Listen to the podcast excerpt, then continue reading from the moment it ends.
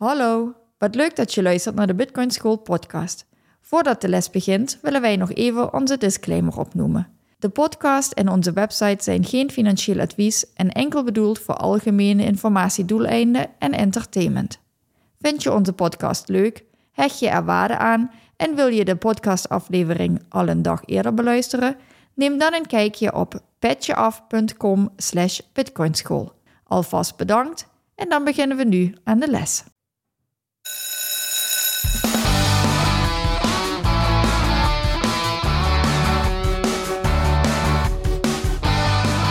Welkom bij de Bitcoin School podcast. In deze podcast willen we jullie de wereld van Bitcoin dichterbij brengen. Dit doen we door Bitcoin op een eenvoudige manier vanuit de basis uit te leggen. In deze aflevering gaat het over hoe kies je een Bitcoin wallet? Ja, we gaan dus over wallets hebben inderdaad. En dat hebben we ook al in een van de eerste afleveringen gehad bij hoe bewaar je Bitcoin. Toen hebben we een klein beetje benoemd dat je dat in een wallet moet doen. Maar we zijn nog niet echt uh, heel erg nauwkeurig ingegaan op het, uh, op het feit van oké, okay, hoe doe je dat nou? Hoe kies je nou welk systeem je gebruikt om jouw private keys op te slaan? Maar voordat we daaraan beginnen, hebben we de uh, bloktijd. En de bloktijd is op dit moment 814.943. En natuurlijk de Moscow Time. En het is 28 uur 32. Mooi. Fijn. Um, Bitcoin wallets dus. Ik wilde met jou een, een, aflevering maken over Bitcoin wallets, omdat het belangrijk is dat mensen weten dat ze Bitcoin in hun eigen wallet moeten opslaan. En wanneer maak je nou de keuze voor welke wallet? En welke keuze kan je eigenlijk maken? En ik denk dat dat een goede is om daar eens een keer over te, over te hebben samen. Ja, ik denk dat het een goede is om ik even uit te leggen. Je bewaart niet Bitcoin. Je bewaart de private keys. Inderdaad. Dus misschien kun je ook nog even uitleggen hoe kom je ook alweer aan die private keys en hoe werkt dat dan met een wallet of hè, wat, wat zijn er dan voor mogelijkheden om ze A te genereren en B dan op te slaan? Ja, het, het grappige is, het is allemaal wiskunde. Dus hoe genereer je private keys? Dat kan op verschillende manieren. Dat kan dat een wallet dat voor jou doet, dat die private keys genereert. Maar het kan ook zijn dat jij door middel van dobbelstenen gooien of uh, kaarten trekken uit een kaart, uit een card deck, dat je daarmee private keys kan genereren. Er zijn verschillende methoden voor. En het belangrijkste daaraan is, is dat het absoluut random is. Dus dat het absoluut willekeurig is hoe die gegenereerd worden. En het grappige daarbij is, is op het moment dat je dat software laat doen, dan moet je in ieder geval al controleren of die software, of dat die niet op de een of andere manier vals aan het spelen is. Dat die jou niet private keys geeft, waarvan ergens een, uh, iemand een lijstje gemaakt heeft van oké, op deze private keys, daar zou wel eens bitcoin op kunnen uh, ontvangen worden, om het zo maar te zeggen. Snap je? Ja, maar hoe ga je dat controleren dan? Nou ja, dan moet je dus naar de broncode en dan ga je dus naar een van de eigenschappen van een goede wallet. En dat is dat het open source is. Dus je moet sowieso een wallet pakken die open source is. Als we eventjes één stapje terugzetten. En dus in de basis heb je twee verschillende soorten wallets. Je hebt software wallets en je hebt hardware wallets. En software wallets kan je dan ook weer onderverdelen in, zijn het, is het een wallet op je mobiele telefoon of is het een wallet die je op je pc of computer of iets dergelijks gebruikt. En er zijn een aantal overwegingen die je mee moet nemen om te kijken welke wallet wil ik gaan gebruiken. Punt 1 is hoe gebruiksvriendelijk is de app als je het over een software wallet hebt. Snap ik wat er gebeurt in die app? En je wilt in die app wil je, je private keys opslaan, want het is een wallet en daarin sla je private keys in op. En daarmee heb je eigenlijk al één punt wat ervoor zorgt dat het een soort van attack-mechanisme is, omdat het al iets is wat in het toestel staat, wat verbonden is met het internet. Dus daar is die al per definitie wat onveiliger dan wanneer je private keys genereert, wat niet gekoppeld is aan een apparaat aan het internet. En dat komt omdat je dan een transactie zou kunnen starten en stel dat er iets gebeurt met die app, dat, dan kan het zijn dat je je bitcoin kwijtraakt. Nou, en als je dat doet op een apparaat wat niet verbonden is met internet, is er in ieder geval de kans dat dat gebeurt een stuk kleiner. Omdat er een soort van uitwisseling zou kunnen plaatsvinden op de achtergrond. je moet de app vertrouwen. Je moet vertrouwen inderdaad dat er geen uitwisseling van gegevens plaatsvindt. Ja, precies. Oké. Nou ja, en daarnaast, heel vaak gebeurt het zo dat een wallet op je mobiele telefoon of op de PC, dat die jou een private key genereert. Dus dat die voor jou een private key maakt. En nou, je moet ook maar vertrouwen dat die private key die gemaakt wordt, dat die niet ergens op een lijstje van de ontwikkelaar staat.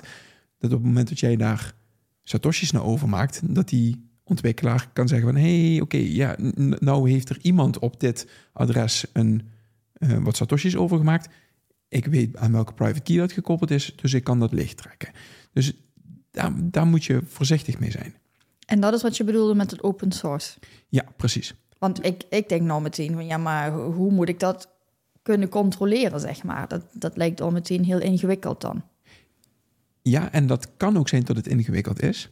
Maar het belangrijkste feit is dat als je weet dat de software open source is en je weet dat het open source gedeelte wat jij installeert op jouw mobiele telefoon of op je PC, maakt niet uit, dat dat gekoppeld is aan de broncode die jij kan inlezen, dan weet je ook dat er mensen zijn, als jij niet de technische kennis hebt, maar dat er mensen zijn die zeggen van oké, ik heb deze broncode wel bekeken en ik weet dat hetgeen wat hier gebeurt, dat dit valide is.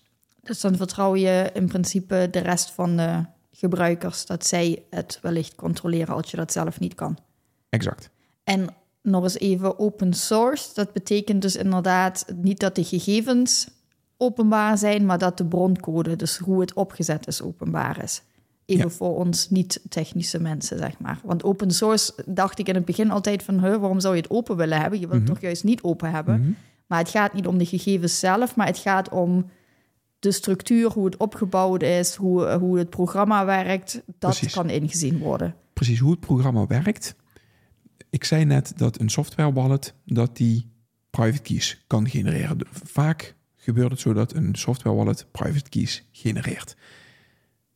De methode die gebruikt wordt om die private keys te genereren, dat moet inzichtelijk zijn, want anders kan je dat, die software wallet niet vertrouwen. Anders heb je geen idee of hetgeen wat jij voorgeschoteld krijgt, of dat daadwerkelijk random is, of dat daadwerkelijk willekeurig is. En dat is belangrijk om te weten. En daarom is het belangrijk dat de software wallet die je gebruikt, dat dat open source is. Ja. Wat zijn dan verder voor- en nadelen van een software wallet? Mhm. De software wallet is het een van de voordelen is sowieso de prijs. Want de meeste apps, daar, ja, daar betaal je niks voor. Die kan je downloaden en die kan je gebruiken. Dus je bent geen extra geld kwijt om jouw bitcoin ergens op te slaan. Als je een hardware wallet zou kopen, dan ben je daar geld voor kwijt om die hardware wallet aan te schaffen. Maar bij een software wallet hoeft dat niet. Um, een ander ding bij software wallet is dat je dat elk moment kan downloaden en op elk moment kan jij Bitcoin ontvangen. Dus stel dat je iemand wilt orange pillen en zegt van hé, hey, ik kan je wat satoshis overmaken, dan kan je op elk willekeurig moment kan je zeggen: download deze app, laat me jouw ontvangstadres zien en ik zorg ervoor dat jij wat satoshis krijgt. Dus weet je, het onboarding is super, super easy. Dat kan bij een hardware wallet niet, want die moet je bestellen. En dan duurt het een dag tot een week tot die bij je op de deurmat valt. Komt hij nog eventjes. Liever niet naar huis sturen, die hardware wallet. Maar gewoon dat je hem eh, met de post op de een of andere manier ergens eh, bij een eh, pick-up point ophaalt of iets dergelijks. Waarom was dat ook alweer belangrijk? Dat heeft ermee te maken met de dataverzameling wat de leveranciers van de hardware wallet kunnen doen. Die kunnen jouw gegevens kunnen die opslaan in een eigen database. En als die database gelekt wordt of gestolen wordt door hackers, en dat is al in het verleden al een aantal keer gebeurd, dan liggen jouw gegevens op straat en jouw gegevens zijn gekoppeld met jouw adres.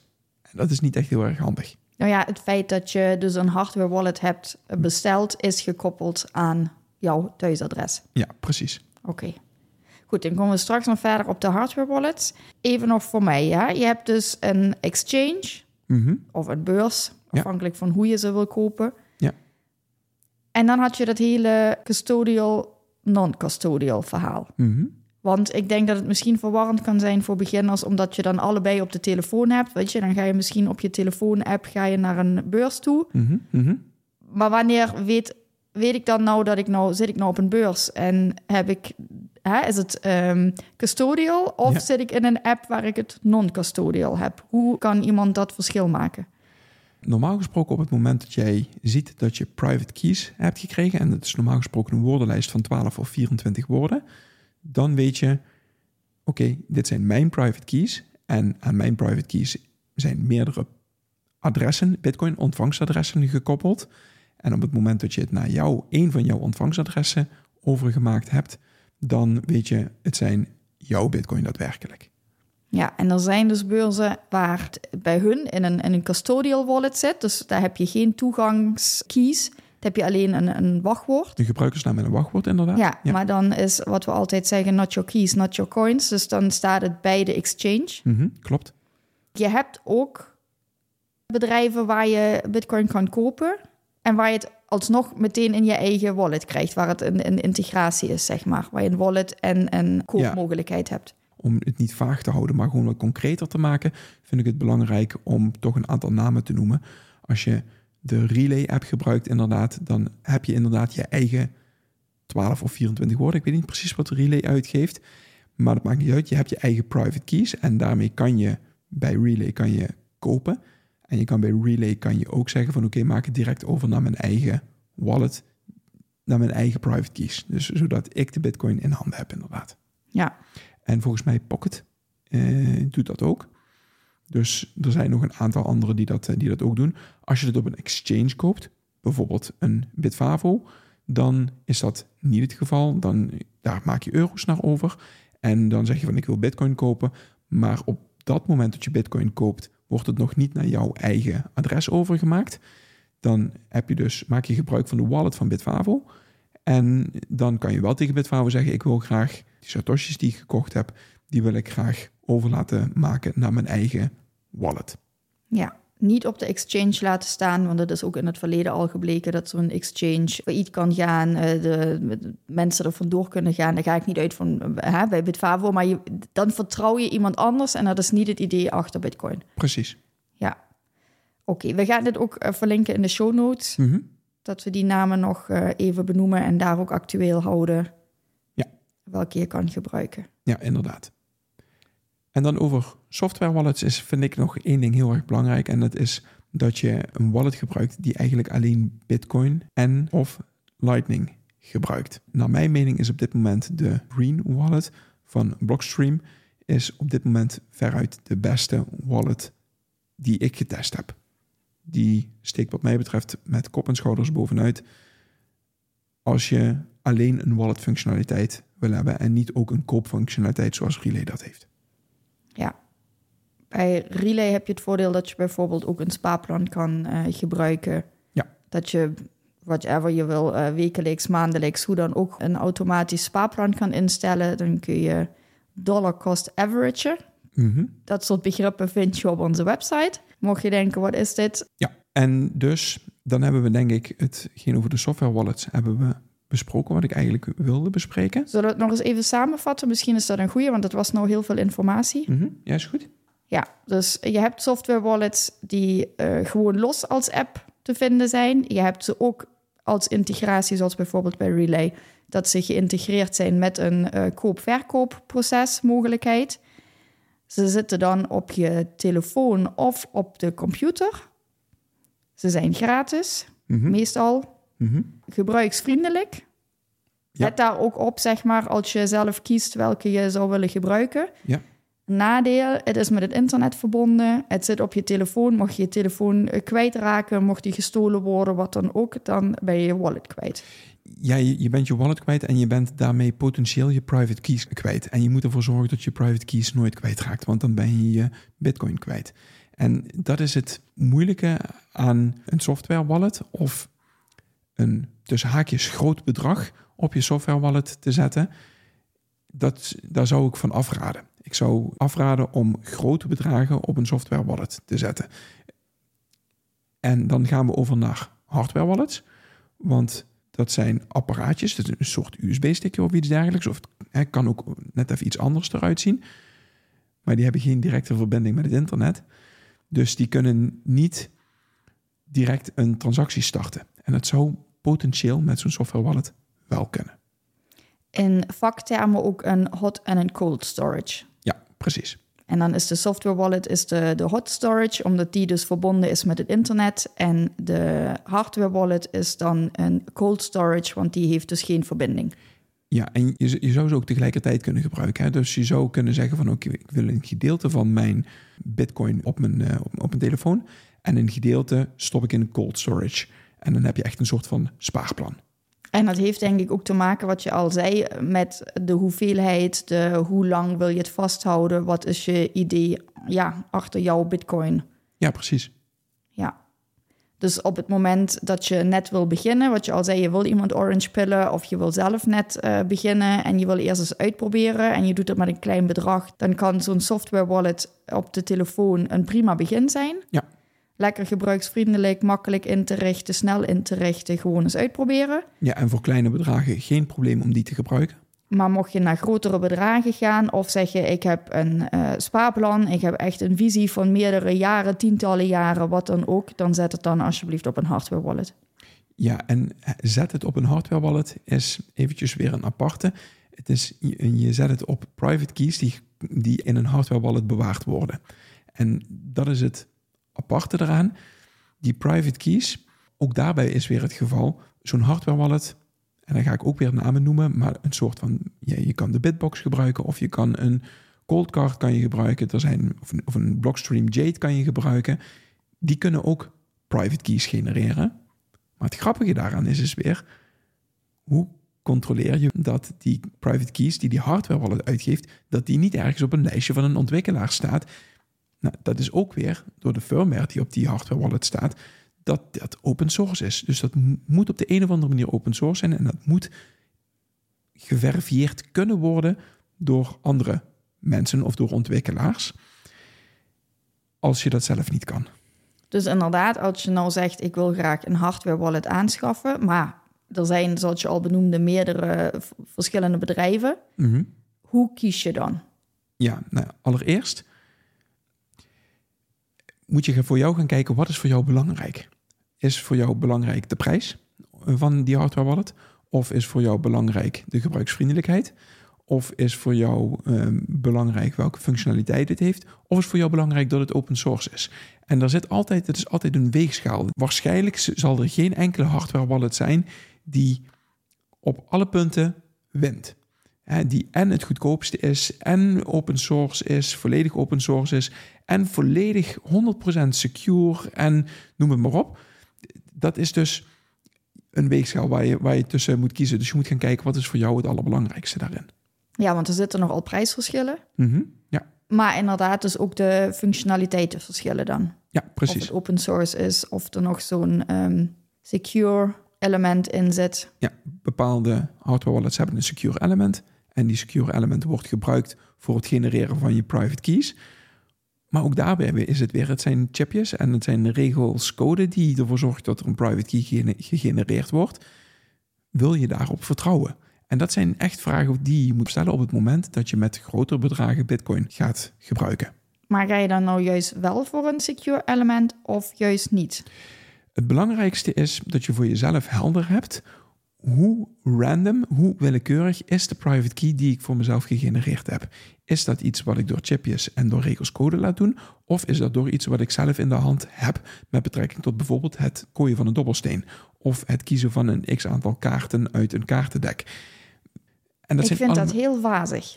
ja, dat snap ik. Maar er zijn methodes om een private key te genereren. Dus om een private key in te maken. En dat kan op, omdat het wiskunde is, kan het op tig verschillende manieren kan dat gebeuren. En wat je wil is op het moment dat je wat grotere bedragen in bitcoin bewaart, dat de manier die jij gebruikt om jouw bitcoin in op te slaan, dat dat de voor jou meest verifiable manier is dat het daadwerkelijk willekeurig is geweest. Dus dat je zelf kan verifiëren dat de keys die je gegenereerd hebt dat dat daadwerkelijk op een willekeurige manier gebeurd is. Snap je dat? Ja, tot zover wel. Alleen volgens mij is het zo dat als ik bijvoorbeeld een Bitbox aansluit en ik zeg creëer een nieuwe wallet, Mhm. ja, dan komt die met een aantal woorden. Ja, en hoe weet jij dat die woorden, dat die niet ergens op een lijstje staan van een ontwikkelaar? Ja, dat weet je dus niet. Nee, dus dat is iets wat je zou moeten controleren. Dus je zou naar de broncode moeten gaan kijken. Dus je zou moeten op de, op de een of andere manier moeten kijken dat jij zelf verifieert dat hetgeen wat de Bitbox jou aan woorden geeft, dat dat dus daadwerkelijk random, willekeurig is. En dat vertelde je net bij de software wallets. Dat kan dus door te zeggen, ik kies een open source wallet en dan kijk ik daar zelf niet in, want zo technisch ben ik niet. Maar dan ga ik er even van uit, vertrouw ik even op de rest van de community dat die dat gecheckt hebben. Maar, Maar wat bedoel je nou met het dobbelen of met het kaarten trekken? Want ik, zou je dat dan in de Bitbox of een andere hardware wallet jezelf gegenereerde keys kunnen invoeren? Ja. Oh, ik Ja. dacht dat hij altijd eh, voor jou genereert. Maar je kan dus ook zelf jouw eigen woorden daarin eh, toevoegen. Ja, klopt inderdaad. Wat grappig is, is als jij door een, de Bitbox jouw woorden laat genereren, dan ik neem aan dat je met me eens bent dat dat een combinatie is van hardware en software die ervoor zorgt dat ik mijn 24 woorden krijg. Klopt dat? Ga je mee in die Ja, Oké. Stel dat er in dat chipje of in die regelscode maar één variabele is die random is. En dat is de tijd wanneer die woorden gegenereerd zijn. Precies vandaag om 11 uur 's ochtends.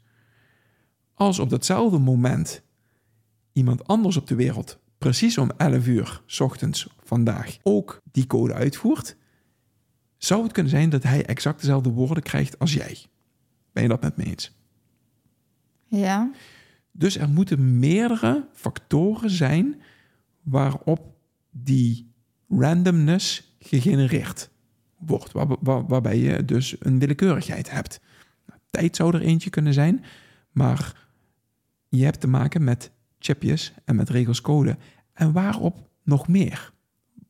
Waarop wordt nog meer willekeurigheid via computerregels, via computercode gegenereerd? Het is heel moeilijk om dat te bepalen. En om dat zelfs ook te verifiëren. Wat is voor jou een goede methode om te verifiëren dat de woorden die jij gegenereerd hebt of gegenereerd hebt gekregen van de Bitbox, dat die daadwerkelijk willekeurig zijn? Dat is dat je het zelf doet met bijvoorbeeld dobbelstenen gooien of kaarten trekken. En hoe dat precies moet, daar gaan we nu niet te diep op in, maar dat zijn mogelijkheden. Maar dan heb je wel voor jezelf heel erg duidelijk: oké, ik weet dat het echt willekeurig is geweest. En dat ik niet op chipjes of op computercode hoef te vertrouwen, maar dat ik op mijn eigen willekeurigheid kan vertrouwen. maar dan kun je dus zo'n hardware wallet gewoon ook gebruiken om de zelf gegenereerde, wat een moeilijk woord, Ja, eh, keys op te slaan. Dus niet alleen om een nieuwe wallet aan te maken exact. en keys te genereren, maar ook om ze op te slaan. Exact. Oké. En ik denk dat op het moment dat je met grotere bedragen in Bitcoin gaat werken, dat het belangrijk is dat je geen enkele partij meer vertrouwt, behalve je eigen willekeurigheid. En dan zijn mensen ook nog heel erg moeilijk in het kiezen van een eigen willekeurigheid, want het is niet dat je door de eh, woordenlijst van, eh, die, die mogelijk zijn, dat je maar eh, een, met je vinger tikt en zegt van oké, dit is een woord wat ik pak en dat is een woord wat ik pak. Nee, doe dan met een dobbelsteen of iets dergelijks gooien of met en die, dat gaan we in de toekomst nog wel uitleggen hoe dat, hoe dat precies werkt. Dat is het entropie-stukje. Ja. Ja. Nou, weet je, dat vind ik het lastige aan... Het mooie, maar ook tegelijk het lastige aan Bitcoin... is dat je het zo in eigen hand hebt. Dus richting banken en regering en zo vind ik het ehm, ja, prachtig. Ja? Die hele gedachte van eh, twaalf woorden bewijzen van in je hoofd... en je kan in je blootje de grens over en niemand doet je iets, bewijzen van. Ja. Je kan het overal mee naartoe nemen. Het, het, ehm, het is wiskunde, het is informatie. Het, ja, dat, dat vind ik super fascinerend. En aan de andere kant in de praktijk, het zelf opslaan, het hoe moet dat dan? En hoe ver ga je in het vertrouwensstukje, het niemand Mhm. kunnen vertrouwen? Kijk, dan, dan denk je dat je al ver bent. Dat zijn ook zo gradaties van, oké, niet op de exchange, maar in je eigen wallet. Ja. Dan wil je het liever niet in een software wallet, maar in een hardware wallet. Ja. Maar welke hardware wallet kies je dan? Precies. En dan kies je voor een hardware wallet. En dan moet je je dan afvragen: ja, maar eh, hoe eh, vindt die entropie plaats? Kan ik daar dan op vertrouwen? Hoe kan ik erop vertrouwen dat de private keys die die hardware wallet mij geeft, dat die daadwerkelijk random gegenereerd zijn? Ja. Ja. En, en, en dan begin je nu over zelf dobbelen en dat soort dingen. En dan denk ik, jeetje. Dus het heeft iets heel moois. Mhm. Maar het heeft ook een soort van eigen rabbit hole van hoe ver ga je hierin? En wie kun je dan überhaupt nog vertrouwen? En hoe pak je dat praktisch aan? Ja, en dat, dat, ja, is een van de dingen toch die bij Bitcoin eh, als stelregel is: don't trust, verify. In principe moet je niemand vertrouwen. En Maar hoe ver ga je daarin? Want Ja. weet je, ik kan heel goed stappen vooruit denken. Dus als je nou die kant op gaat, dan denk ik ja, maar moet je dan nog bepaalde dobbelstenen hebben? Want zijn die wel geëikt en zijn die wel random genoeg? En ja, weet ik veel hoe krankzinnig je dan verder kan denken. Maar dan, ja, dat klopt inderdaad. Maar dat is een hele goeie.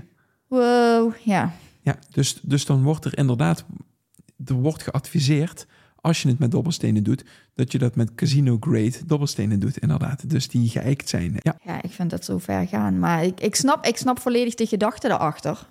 En even, het heeft, Maar heeft ermee moet- te maken, wat we nu bespreken, heeft er niet mee te maken op het moment dat je voor 100 euro aan bitcoin eh, gekocht hebt. Hè? Maar het is voornamelijk op het moment dat de satoshis die je vandaag gekocht hebt, dat die over 10 of 20 jaar nog steeds in jouw bezit zijn en dan een potentieel gigantische waarde hebben, dat je wel wil dat die op private keys staan of gekoppeld zijn aan private keys die vanuit willekeurigheid en vanuit pure wiskunde gegenereerd zijn. Want als dat ergens op een display van een telefoon of op een display van een computer gestaan heeft, is dat al een potentieel lek, is dat al een potentieel risico ge- geweest. Ja, en ik denk dat het heel goed is om hier inderdaad even die nuance aan te brengen van eh, laat je nou niet afschrikken. Nee. Dat je nou niet denkt, wow, wat gebeurt me nou en dan laat maar zitten. Maar dat je inderdaad, het is ook een groeiproces waar je zelf hoe hè, gaandeweg steeds verder in komt. En daarom zeggen we ook, begin gewoon eens. En als je gewoon begint en je wil het uitproberen met een klein bedrag, is een software wallet prima. Ja. En groei daar dan zelf in mee. Exact. En we gaan binnenkort ook nog met eh, gasten een ehm, podcastaflevering opnemen over eh, privacy en veiligheid. En daar zullen we dit soort dingen ook in bespreken. Dus ik denk dat we de belangrijkste dingen die ik eigenlijk wilde aanhalen met deze aflevering, dat we die benoemd hebben. Ja, wat ik nog even wilde benoemen, want daar hadden we het net nog heel even kort over, maar dat, was dan, dat valt dan niet onder het kopje wallet. Mhm. Er zijn ook mogelijkheden om je keys nog op een andere manier te bewaren, maar dan is het geen wallet. Eh, ja, Want je moet ook van je wallet, dat hebben we nog helemaal niet besproken, ook weer een backup maken. Ja. Kun je dat nog een beetje toelichten? Dus je maakt dan, hè, stel je hebt dan een software wallet of je hebt een hardware wallet. Mhm. Je krijgt je woorden gegenereerd of je hebt zelf gedobbeld en je hebt je woorden. En dan? Ja, je hebt de wallet is het systeem en daarin worden de private keys in opgeslagen. En je moet de private keys, die moet je op de een of andere manier backuppen of die moet je ervoor zorgen dat je die niet kwijtraakt. En daarvoor moet je ook iets bedenken. Nou, wat kan je doen? Dat, ik heb al vaker benoemd, dat zijn 12 of 24 woorden meestal, maar het kan ook een compleet andere representatie zijn. Het is uiteindelijk allemaal terug te keren naar eentjes en nulletjes. En die 12 en 24 woorden is niks anders dan een representatie van eentjes en nulletjes. Je zou ook die eentjes en nulletjes kunnen opschrijven, maar dat is niet zo handig. Dat is niet makkelijk. Nee, dat is te complex, omdat dan die regels, code, zeg maar, die je dan krijgt, of die, die rijtjes met eentjes en nulletjes, dat, ja, daar heb je heel snel, maak je daar een fout in, als je dat zou willen overschrijven of iets dergelijks. Dus vandaar dat ze daar gekozen hebben voor een systeem met, ja, woorden. Ja, en je zou bij wijze van spreken die representatie van die eentjes en nulletjes veruit de meest gebruikte manier is via de 12 of de 24 woorden. Maar je zou het ook in emoticons of in een QR-code kunnen, kunnen zetten. Dat is gewoon een soort van vertaling. En die emoticons of die QR-code representeren dan exact dezelfde eentjes en nulletjes als ook de woorden eh, die eentjes en nulletjes representeren. Maar je hebt dus inderdaad niet alleen los de woorden nodig. Mhm. Dat zeg, is je toegangscode, zeg maar, dat is je key. Ja? Maar je hebt dus een vorm van wallet nodig om transacties te kunnen doen. Ja, je hebt, ja, zeker. Je hebt iets van software nodig om die transactie te kunnen doen. Ja, En dat kan dan weer of op een software wallet of op een hardware dat kan wallet. via een software wallet of via een hardware wallet. Ja, Ja. klopt. Ja. Oké.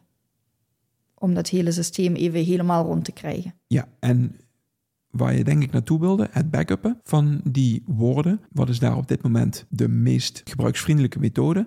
Dat is om die woorden in een, eh, in een plaatje met staal te stansen of iets dergelijks of te, te slaan. Nou ja, gebruiksvriendelijk weet ik niet. Nee, oké.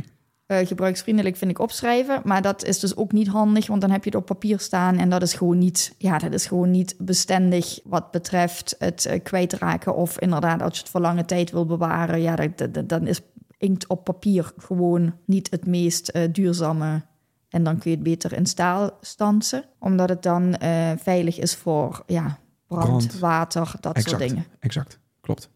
Ja. Dus dat zijn op dit moment de best practices. Ja, dus je koopt het op een uh, beurs of exchange Mhm. of via peer-to-peer. Dat was eigenlijk de bedachte manier, de, de manier waarop Bitcoin uh, ontworpen is. Dat je het peer-to-peer kan overmaken, dat je juist geen derde partij nodig hebt. Mhm.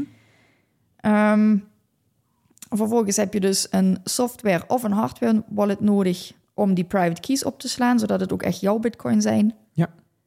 En inderdaad, uh, om überhaupt in te stappen is een software wallet prima. Of als, nou ja, kleine beurs, zoals wij dat wel eens noemen. Hè? Dat je het um, makkelijk kan gebruiken. Kleine portemonnee inderdaad. Kleine portemonnee. Ja.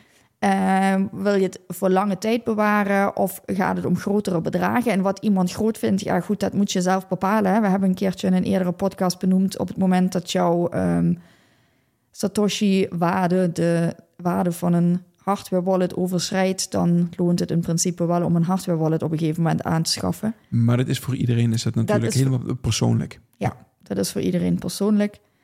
Um, ja, en dan zet je het op een hardware wallet, die private keys, of je laat ze door een hardware wallet genereren. En dan moet je van die hardware wallet nog weer een backup maken, het Ja. liefst in staal, zodat je ze echt veilig kunt opslaan. Hardware wallets niet naar een huisadres laten sturen, maar ja, weet ik veel, naar een, naar een kantooradres of naar een afleverpunt. Kijk ook daarbij hoe de hardware wallet leveranciers, hoe die in het verleden omgegaan zijn met klantgegevens. Ik weet dat er bedrijven zijn die direct nadat ze de hardware wallet naar jou toe verstuurd hebben, jouw klantgegevens uit hun database ook verwijderen. En dat is wel een hele belangrijke. Ja. En de hardware wallet niet thuis bewaren. Niet je eigen e-mailadres eh, gebruiken, dat hebben we ook nog niet benoemd. Hè? Mhm. Dus niet het e-mailadres waar je eh, ook al je andere dingen mee regelt. Het liefst maak je daar een speciaal e-mailadres voor aan. Ja. Wat je ook voor niks anders gebruikt. Ja, Ja, en als je dan het volgende level ingaat, dan eh, ga je op basis van je eigen entropie ga je private keys genereren. En ik zeg nu private keys, omdat er natuurlijk nog meerdere en betere mogelijkheden zijn om je bitcoin te beveiligen. Eh een van die setups is een multisig, waarbij je dus meerdere keys nodig hebt om een transactie te ondertekenen. Eh, ja, er is ook een mogelijkheid om bijvoorbeeld je bitcoin voor een bepaalde tijd vast te zetten, zodat je er zelf niet eens een, voor een x aantal tijd aankomt. Maar omdat we ons op dit moment voornamelijk op uh, beginners richten, is het voorlopig niet nodig om dat uit te leggen. Maar dat gaan we in de toekomst, gaan we dat zeker nog doen en gaan we daar zeker nog verder op in. Volgens mij is, is er nog iets wat jij nog, nog wil benoemen? Mocht je aan het eind van deze aflevering nou denken, dat wil ik graag eens uitproberen, dan kunnen wij aanbevelen de Relay-app. Dat is een uh, Zwitserse app-bedrijf. Daar kun je bitcoin kopen en verkopen. En je hebt het in je non-custodial wallet. Dus je hebt je eigen keys. En op het moment dat je dan de bitcoin daar aankoopt, kan je de code Bitcoin School gebruiken. Dan spaar jij wat op de transactiekosten en daarmee ondersteun je onze werkzaamheden. Net zo goed op het moment dat je zegt van hé, hey, ik wil graag een hardware wallet. Kijk dan eens eventjes op onze site of in de show notes. Want daar, als je via die link dan de Bitbox aanschaft, dan kost het jou niet meer en dan ondersteun je onze werkzaamheden daarmee. Ja, dat zou heel fijn zijn. Goed, dan denk ik dat we door deze aflevering heen zijn. En hebben we denk ik de meeste dingen die we wilden benoemen benoemd. Hartstikke bedankt voor het, uh, voor het luisteren. Ja, mocht je vragen hebben, dan neem graag contact op. En anders vinden wij het heel fijn als je vijf sterren achterlaat of een review schrijft. Dat is goed voor het algoritme en dan kunnen nog meer mensen ons vinden. Yes. Groetjes en tot, tot de volgende keer. keer.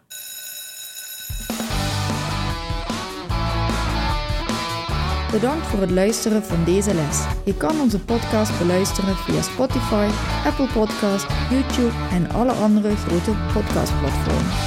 Wij zijn ook actief op Twitter en Instagram. Daar kun je ons bereiken. Heb je dus vragen of opmerkingen? Stuur ons dan een berichtje naar bitcoinschoolnl op Twitter of Instagram.